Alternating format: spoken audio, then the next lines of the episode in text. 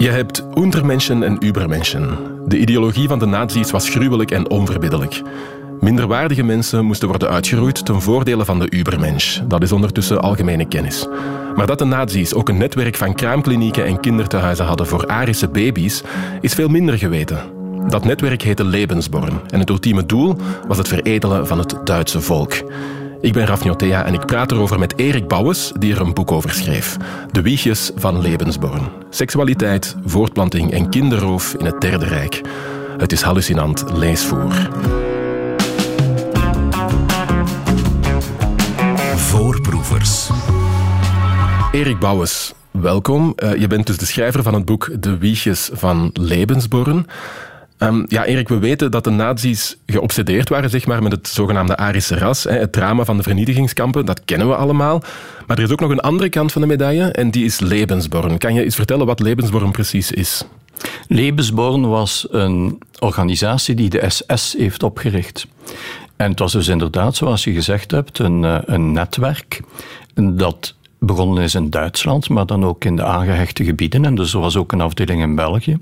En de bedoeling was daar uh, dat de, de vrouwen, de vriendinnetjes, de maîtresses van SS'ers konden bevallen in alle rust en in alle uh, luxe. En waarom hebben ze dat gecreëerd? Omdat Himmler ervan overtuigd was dat SS'ers superieure mensen waren. Die waren geselecteerd, die waren zeer goed uh, fysisch en ook uh, moreel. En dat, dat was de toekomst. En dat zou eigenlijk een nieuwe adellijke klasse moeten worden. Maar daarom moesten die zich ook kunnen voortplanten. Himmler verwees regelmatig naar andere elites, zoals de Jezuïeten of de Teutoonse ridders of de, de Tempeliers. Maar die zijn allemaal uitgestorven omdat die zich niet voortplanten. Dus moest hij er ook vrouwen bij betrekken. En je werd dus niet zomaar de echtgenote van een SS'er. Je, je moest daar ook speciaal voor gekeurd worden. Je moest een onberispelijke stamboom hebben die terugging tot soms 1750 en waarin je kon aantonen dat je geen enkele druppel Slavisch of uh, Joods bloed uh, in je aderen had. Uh, op een bepaald moment moesten kandidaat-echtgenotes van SS'ers zelfs sportproeven afleggen. Er werd een buurtonderzoek gedaan waarin men vroeg van ja, die, die juffrouw, hoe denkt die over de politiek, hoe denkt die over Hitler en dergelijke dingen meer. En Naast zijn, zijn elite mannen had hij dus ook elite vrouwen. En de bedoeling was dat die allemaal uh, minstens vier en als het kan vijf kinderen zouden hebben. En hij zag ook een grote rol voor ongehuwde moeders. En daarmee was hij eigenlijk zeer vooruitstrevend in die zin dat de seksuele moraal en de maatschappij, de Duitse maatschappij, was daar uh, absoluut niet klaar voor. Maar Himmler uh, vond het eigenlijk uh, verantwoord, meer verantwoord dat een ongehuwde moeder dus kinderen had, dat er kinderen waren buiten het huwelijk, dan dat een vrouw zonder kinderen bleef. Dat was pas verwerpelijk. En dus moesten ook ongehuwde moeders, moesten ook ongehuwde dames aangemoedigd worden om te, uh, kinderen te baren van SS'ers. En waar, waar kwam die fixatie van Himmler vandaan voor, voor het baren van kinderen? Ja, Himmler was een rare kerel. Hè? Uh, nu moeten we weten dat een beetje overal in Duitsland en eigenlijk over, in, in, in verschillende andere landen, dat men uh, nogal paniekerig gereageerd reageerde op het dalend geboortecijfer. En dat men ook vond dat de mensheid degenereerde door de, de survival of the fittest, die door Darwin ontdekt was, die. Uh, dat betekent eigenlijk dat de beste variëteiten overleven en de anderen sterven uit. Dat is goed voor het ras, vond men. Maar een beetje overal in de wereld dachten de eugenetici van de, de betere genetica, de mensen die dus de mensheid wilden verbeteren, de geleerden die daarmee bezig waren, die, die, die vonden dat door de ontwikkeling van de geneeskunde uh, werkte die survival of the fittest niet meer. Er waren dus veel zwakkere mensen. Uh, en en dus niet alleen fysiek zwakkere mensen, maar mensen met asociaal gedrag of alcoholisten of uh, mensen met mentale problemen die zich toch konden voortplanten en die konden overleven. En uh, dus was de wet van de natuur eigenlijk geblokkeerd, vond men. En in, in de moderne samenleving? In de moderne samenleving. Daar was men dus heel erg mee bezig. En in Nazi-Duitsland kwam daar dan nog het, uh, de fixatie bij dat de Duitsers natuurlijk dat superieure Arische ras waren en dat uh, die zichzelf toch wel in stand moesten houden, numeriek in stand houden, en dat zij zich moesten uitzuiveren. En er was dus een grote angst voor rassenvermenging. Vandaar dat men uh, geobsedeerd was door een, een, een, selectieve voortplanting, door een zeer rationele huwelijkspolitiek. Mhm. Ja, want uh, dat is natuurlijk die nazi-ideologie die eraan bij komt. Maar die eugenetica waar je het daarnet over had, was op zich wel een ja, legitieme wetenschappelijke tak toch? Uh, ja, en nee, want ik ben, niet, uh, ben er niet van overtuigd dat de wetenschappers zich nog achter de doelstellingen, dat de wetenschappers vandaag zich nog achter de doelstellingen van de eugenetici van toen uh, zouden scharen. Um, de eugenetici waren ook wel bezig met het idee van bijvoorbeeld uh, gedwongen sterilisatie in, in heel wat gevallen. Een idee die nu toch niet meer zo'n zo opgang doet uh, als, als in die tijd. Mm. Maar het was wel breed, um, breed gedragen, zeg maar. Um, of het nu legitiem was of niet. Er waren zelfs verenigingen voor rassenhygiëne ja, overal absoluut. ter wereld. Ja, ja, ja. En, en, en vooral in Duitsland. Hè, want dat is het Keizer Wilhelm Instituut. Dus het grote wetenschappelijk instituut waar ook Einstein heeft gewerkt. Departementshoofd was zelfs. Dat heeft ook op een bepaald moment een afdeling eugenetica gehad. Waar dat dan later later, wanneer de nazi's uh, de macht hebben overgenomen, waar dat dan uh, de SS'ers werden gevormd in, in, in rassenleer. Hè. Dus het was eigenlijk wetenschappelijk toch ook wel uh, sterk gedragen. Hmm, ja, en dus dat kwam eigenlijk voort uh, uit die survival of the fittest, dat idee van Darwin. Um, de Eerste Wereldoorlog heeft daar ook niet veel goeds aan gedaan, omdat men toen ervan overtuigd was dat ja, de, de sterke, de, de beste ja. mannen gesneuveld waren in de oorlog en de zwakkeren overbleven. Ja, en die hadden zich voort kunnen planten. En dat was natuurlijk uh, helemaal een, uh, een ramp. En, mm -hmm. vandaar dat, dat als je dan Himmler bent, Himmler was een, een, een iemand met een opleiding in, in de landbouwwetenschappen. Mm. En uh, die vergeleek het, uh, wat je in de inleiding zo een beetje hebt gezegd, en die vergeleek de mensheid uh, gewoon met een moestuin, waar het onkruid moest gesnoeid worden, maar waar de goede plantjes moesten extra verzorgd worden en veredeld worden en hmm. extra gecultiveerd worden. Zeg, en waar komt die fascinatie van de nazi's eigenlijk vandaan met dat Arische ras?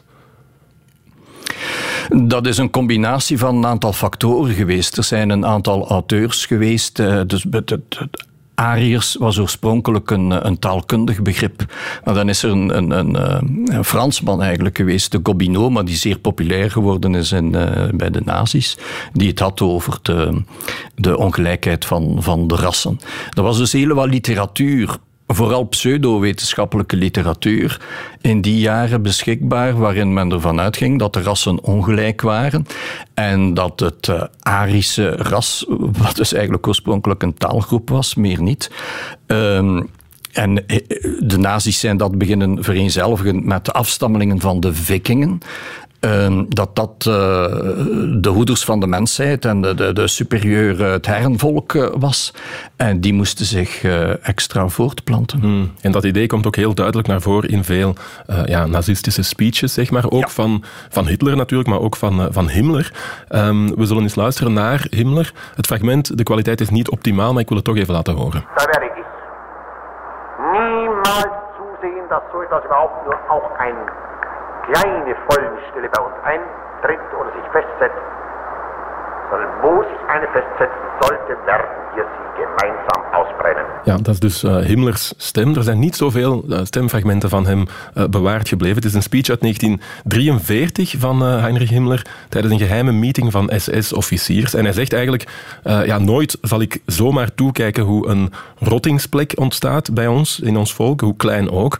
Maar als het toch gebeurt, dan zullen we die samen wegbranden. Um, ja, en je hoort al in die woordkeuze, die foilnisstellen, die rottingsplek. Ja, het gaat hier over dat idee van, um, van raszuiverheid. Hij heeft, het, hij heeft het hier over de Joden. Ja, ja, ja, dat is absoluut waar. De mensheid was voor hem niks anders dan een moestuin of een, uh, of een diersoort. Hmm. Want we kennen Himmler natuurlijk vooral als Rijksvuurder van de SS. Hè. Dat is zo'n beetje de, de hoogste politiechef in het Derde Rijk. Um, maar zoals je zei, was hij dus degene die ook uh, um, uh, de bedenker was zeg maar, van Lebensborn en de grote bezieler. Ja, dat, was, dat is absoluut zijn kindje geweest. Hè. Hij, hij, hij, wou dus uh, een, een, een, nieuwe elite creëren, een, een, nieuwe adel. En dat zou dus de SS moeten zijn. En eigenlijk uh, heel kort uh, nadat hij Rijksvuurder is begonnen, uh, is geworden. En nog voordat de nazi's de macht hadden gegrepen, is hij begonnen met um, heel die verredelingsstrategie. Met zijn fameuze Heiratsbevel, waarin dat hij dus eigenlijk een, een, eh, een huwelijkspolitiek en een, een geboorteprogramma uh, aankondigde en oplegde aan zijn SS'ers. Op dat moment is de SS van een soort privémilitie een, een nieuwe adellijke klasse geworden. Dat moest de voorhoede zijn van een nieuwe mensensoort. Zoals, want hij vergelijkt dat ook op bepaalde momenten met een bepaald type Duitse raspaard. En uh, ja, met de mensheid gaat hij op dezelfde manier te werk gaan als met dat uh, raspaard. En hij uh, laat die uh, instelling uh, eind 35, begin 36 gaat, mee, gaat hij daarmee van start.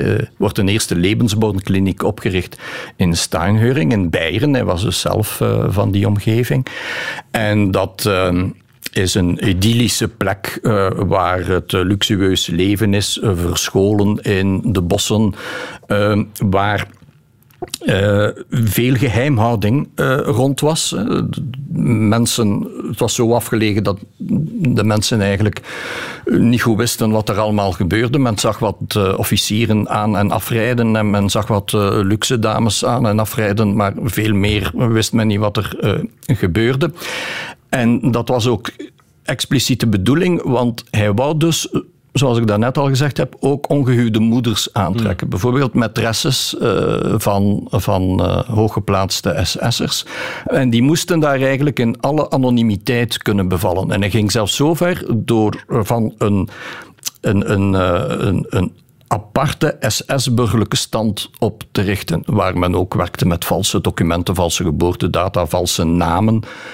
Een schaduwadministratie. Een schaduwadministratie die alleen voor SS'ers schold om alle sporen uit te wissen. Ja. En, en waarom was het zo belangrijk dat dat aparte huizen waren, dat dat, die, dat dat in de schaduw, in de luwte kon gebeuren? Wel, deels voor die anonimiteit, om veel ongehuwde moeders aan te trekken, want die zouden anders uh, uh, proberen te avorteren. Hij was een grote tegenstander van abortus en hij dacht, ja, veel ongehuwde moeders die grijpen naar abortus uh, eigenlijk voor een, uh, om een reputatie uh, te redden, maar dat, is, dat, is, dat kan echt niet.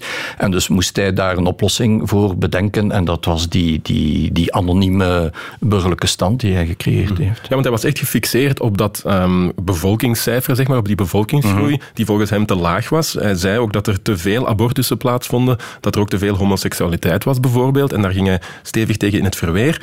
Um, maar hij had ook andere uh, oplossingen, tussen aanhalingstekens, daarvoor. Hè. Hij moedigde echt het verwekken van buitenechtelijke kinderen, kinderen aan. Um, maar hoe, ja, hoe reageerde de goede gemeente daarop? Um hij was uh, een, pionier daarin hè, en hij werd door weinigen gevolgd. De Duitsers waren daar ondanks alles uh, toch niet, niet helemaal vrolijk door. En uh, die, die hebben hem ook maar schoorvoetend gevolgd. Hè. Zijn SS is daar niet helemaal in meegegaan. Want uh, op een bepaald moment um, vaardigt hij in 1939, wanneer dus de oorlog in, met Polen begonnen is, vaardigt hij een Zeugungsbevel uit. Dat is eigenlijk een voortplantingsbevel. En Waarover gaat dat? Het is bijzonder cynisch. Hij vindt het eigenlijk niet erg, zegt hij, dat uh, zijn SS-mannen sneuvelen in de strijd, dat goede Ariërs uh, sneuvelen in oorlog. Dat is niet meer dan normaal, dat is het lot van de mensheid. Maar wat bijzonder erg is, dat is dat ze sneuvelen voordat ze zich zouden voortplanten. Dat is pas een ramp. Dus is eigenlijk de oplossing, ze moeten zich eerst voortplanten en nadien kunnen ze met een gerust hart gaan sneuvelen op het slagveld. Hm. En de vrouwen en de ongehuwde moeders hebben daar, eh, of de ongehuwde dames hebben daar ook een eh, bijzondere rol in te spelen, want zich moet, die moeten daaraan meewerken. Die moeten zich openstellen voor die SS'ers die op punt staan van naar het front te vertrekken. Duitsland, de rest van Duitsland heeft het daar bijzonder moeilijk mee. Vooral ook de Weermacht, want die vreest een beetje eh, dat. Ehm, eh, eigenlijk dat dat een vrijkaart is voor de SS om aan te pappen met de vrouwen van gewone weermachtssoldaten die mm. aan het front zitten en daar uh, relaties mee aan te knopen. Dus hij heeft dat daar bijzonder moeilijk mee, maar hij zal dat voortplantingsbevel nooit uh, intrekken. Op een bepaald moment gaat hij nog een stap verder. De oorlog is dan een jaar of twee, drie verder. In 42 geeft hij het bevel aan de laatste zonen uit. En wat is dat? Zijn SS'ers die ondanks alles nog altijd geen kinderen verwekt hebben, die worden teruggeroepen van het front.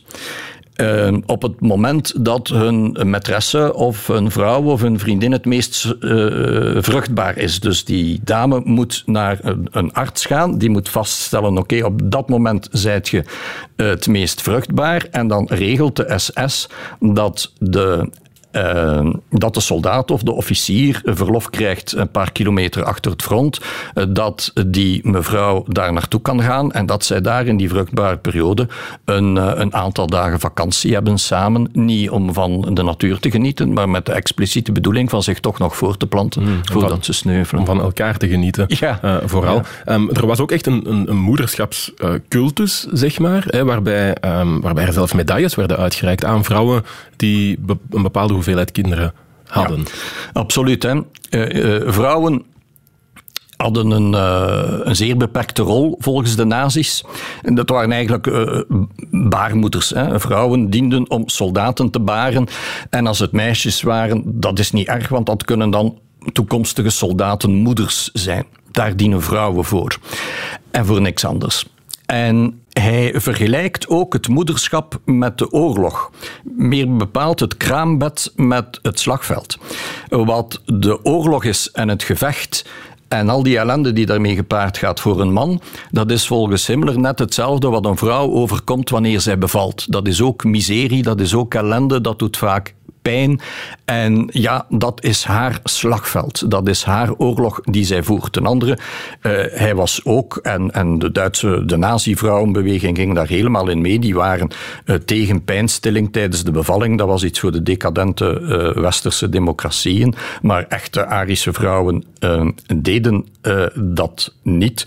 Dus hij maakte daar een parallel tussen bevallen en oorlog voeren.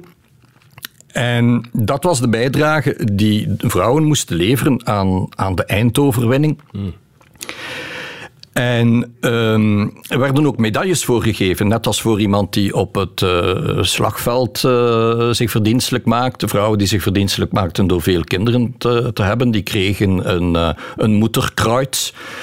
bestond een zilveren medaille en een bronzen medaille en een gouden medaille.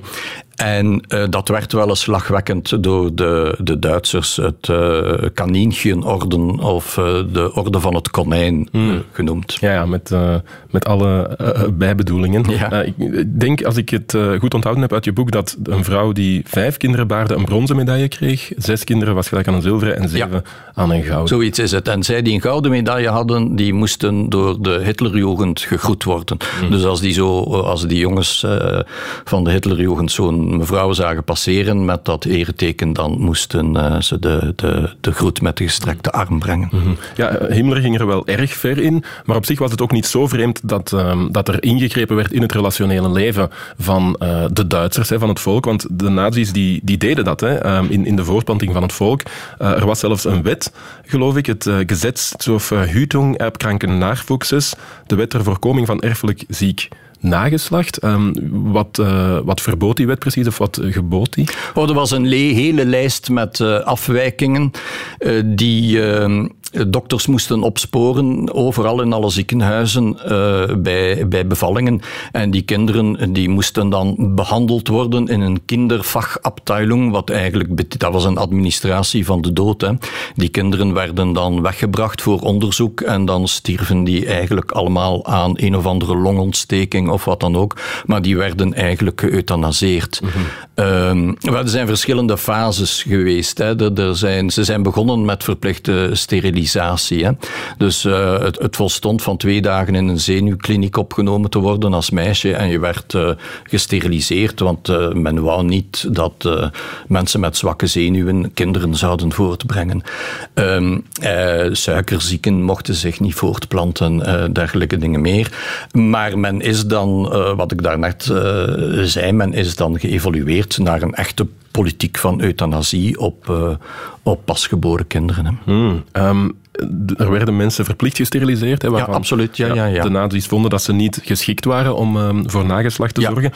Weet je hoeveel er zo uh, gesteriliseerd zijn? Dat is in de tienduizenden, maar ik kan daar nu zo geen getal op plakken. Ja, mm. dat is, dat is ongelooflijk veel. Ja. Ja, ja, ja. En dan is de stap natuurlijk snel gezet naar het uh, op grote schaal euthanaseren van zieke of zwakke volwassenen. Ja, en daarna een industriële vernietiging, zoals we die kennen. Ja, het, uh, de ze zijn begonnen met kinderen eigenlijk. Hè? En, en, dat was bijna het stage lopen, om het zo bijzonder cynisch te zetten voor, zeggen, voor, het, uh, voor dan later wat dan de operatie T4 is geweest, eigenlijk het uh, euthanaseren van, van, van volwassenen. Mm. Maar ze zijn begonnen met kinderen. Mm. En dan had je dus ook uh, op een andere manier waarop er ingegrepen werd in het relationele leven door de, door de nazi's. Er werden scholen opgericht voor rijksbruiden, Um, vrouwen die ja, gingen trouwen of zouden trouwen met een leidinggevende van de SS.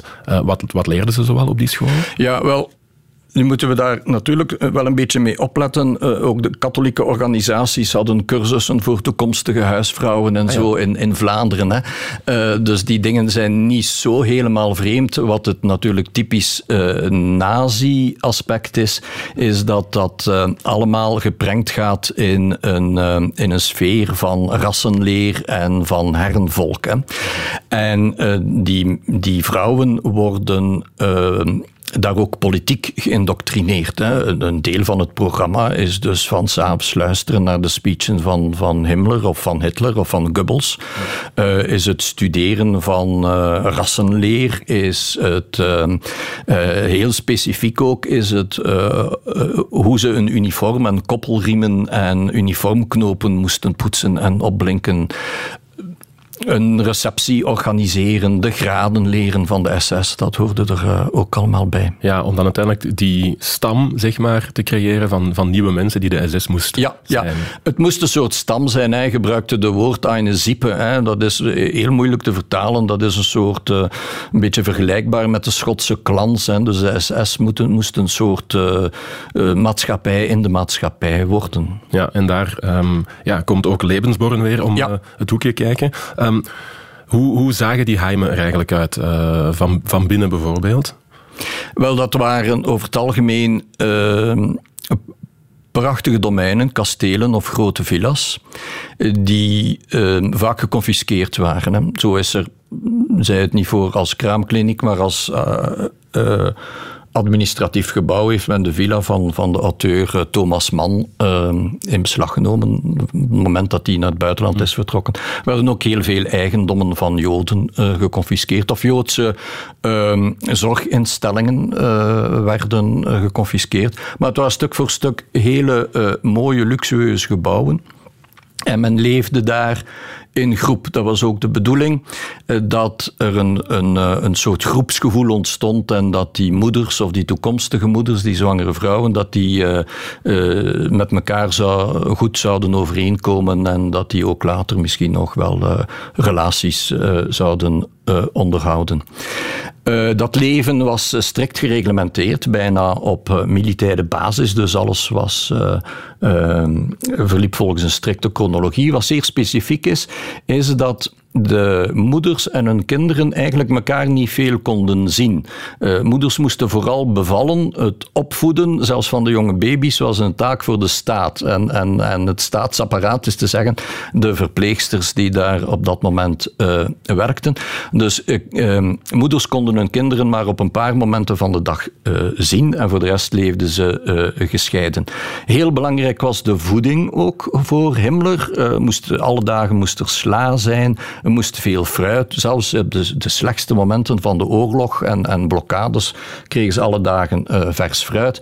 En uh, summum summorum was dat hij absoluut wou dat er veel havermout werd uh, gegeten, want hij, hij, dacht dat dat zeer gezond was. En er moest dus uh, veel havermout op het uh, menu ehm, staan. Wat ook heel belangrijk was, uh, was het zogen van de kinderen. De kinderen moesten, met, uh, moesten de borst krijgen, dat was gezond. En een vrouw die de borst niet kon geven of niet wou geven, nou, die was onmiddellijk zeer slecht uh, gezien. Het was dus wel belangrijk van een goede Arische moeder was iemand die, die veel melk kon mhm. produceren. Ja, op dat vlak werd er wel goed voor die kinderen gezorgd, kan ja, je zeggen. Absoluut, ja, ja. Er was ook veel speelgoed, maar een, een ja, luguber detail daarbij... was gestolen van de Joden. Ja, het was gestolen van de Joden en een deel van het speelgoed kwam, was afgenomen van kinderen die in concentratiekampen waren toegekomen. Ja. En, en dan had u dus Himmler als um, uh, ja, grote bezieler van dat project. Hij bemoeide zich ook met de allerkleinste zaken daar. Hij bemoeide zich met de allerkleinste zaken, zoals het menu bijvoorbeeld. Uh, met uh, regels over schmink. Vrouwen mochten zich niet schminken in een levensbornafdeling. Ze mochten niet roken. Wat ik er ook nog als, ehm, als, als luguber detail wil over.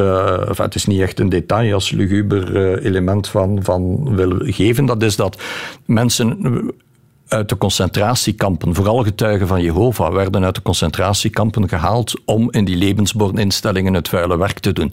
Wat voor die getuigen van Jehovah vaak een hele opluchting was, want ondanks het feit dat ze daar stiefmoederlijk behandeld werden, hadden ze het daar een stuk beter dan in de, in de concentratiekampen. Mm hoe groot was dat netwerk eigenlijk? Want ik moet eerlijk zeggen dat ik er zelf nog niet van gehoord had van Lebensborn. Was het um, ja, uitgebreid? Waar waren die heimen? Je zei al dat het uh, ook in het buitenland uh, ja. dat er opgericht werden. Wel, er zijn er uh, uiteraard een, een, een, ik denk 223 in totaal.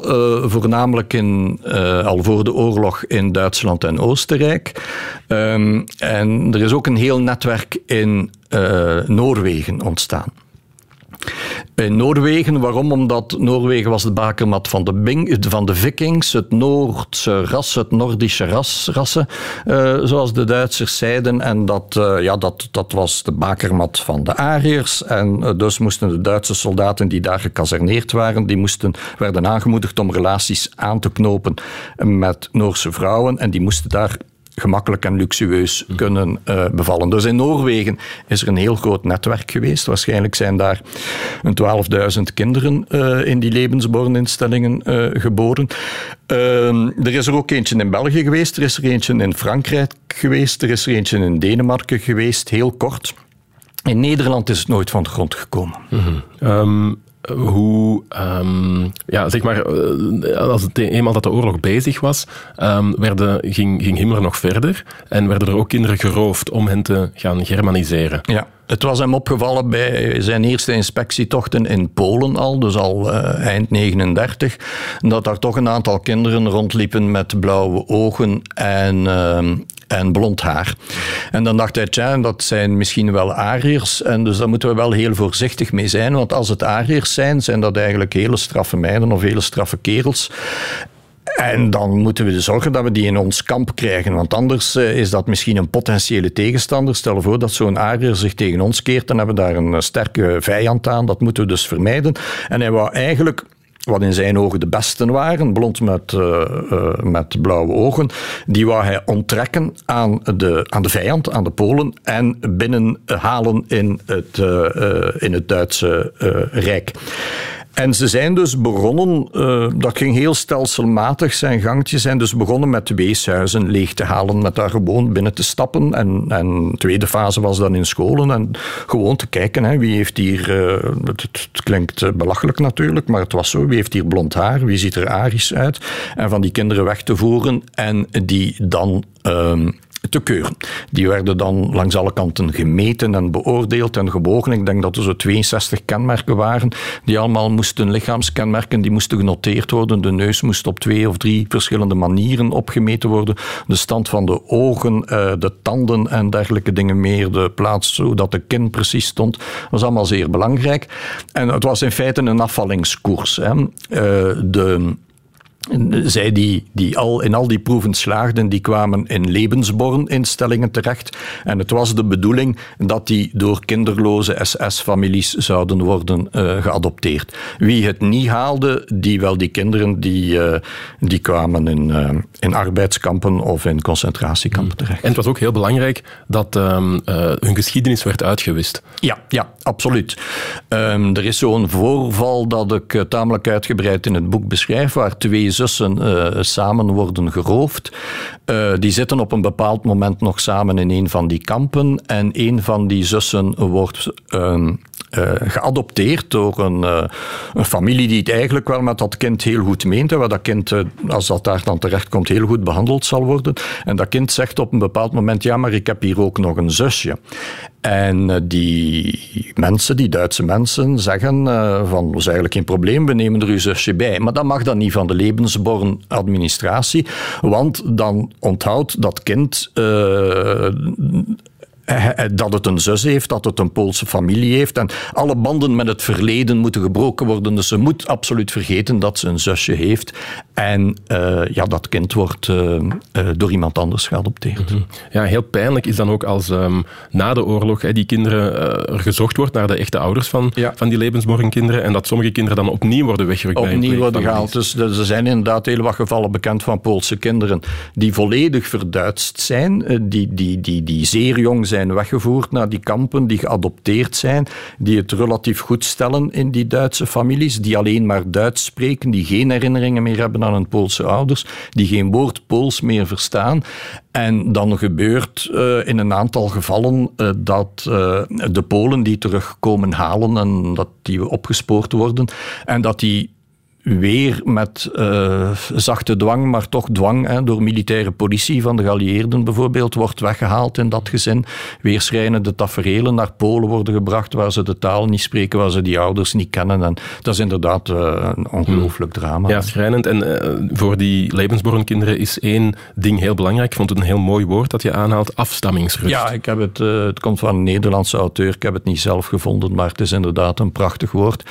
Ehm, dat je wel meer ziet bij mensen die op zoek zijn naar een, een echte ouders.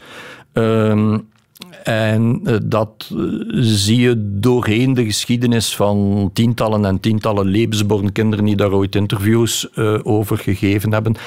Dat is dat zij hun leven lang gefascineerd blijven zoeken naar wie zijn mijn ouders, waarom is mijn moeder met een SS'er getrouwd of is die heeft die daar een kind bij gehad, waar ben ik geboren, waarom heeft ze mij afgestaan en, en dat soort dingen. En dat, ja, dat houdt die, die mensen soms hun hele leven lang bezig. Hmm. Pittig detail over de Lebensborn-kinderen. Een van die kinderen is uh, een van de ABBA-zangeressen. Uh, maar als je dat verhaal uh, wil kennen, dan zou ik aanraden om het boek van Erik Bouwens snel in huis te halen. De wiegjes van Lebensborn. Seksualiteit, voortplanting en kinderroof in het Derde Rijk. Erik Bouwens, dank je wel.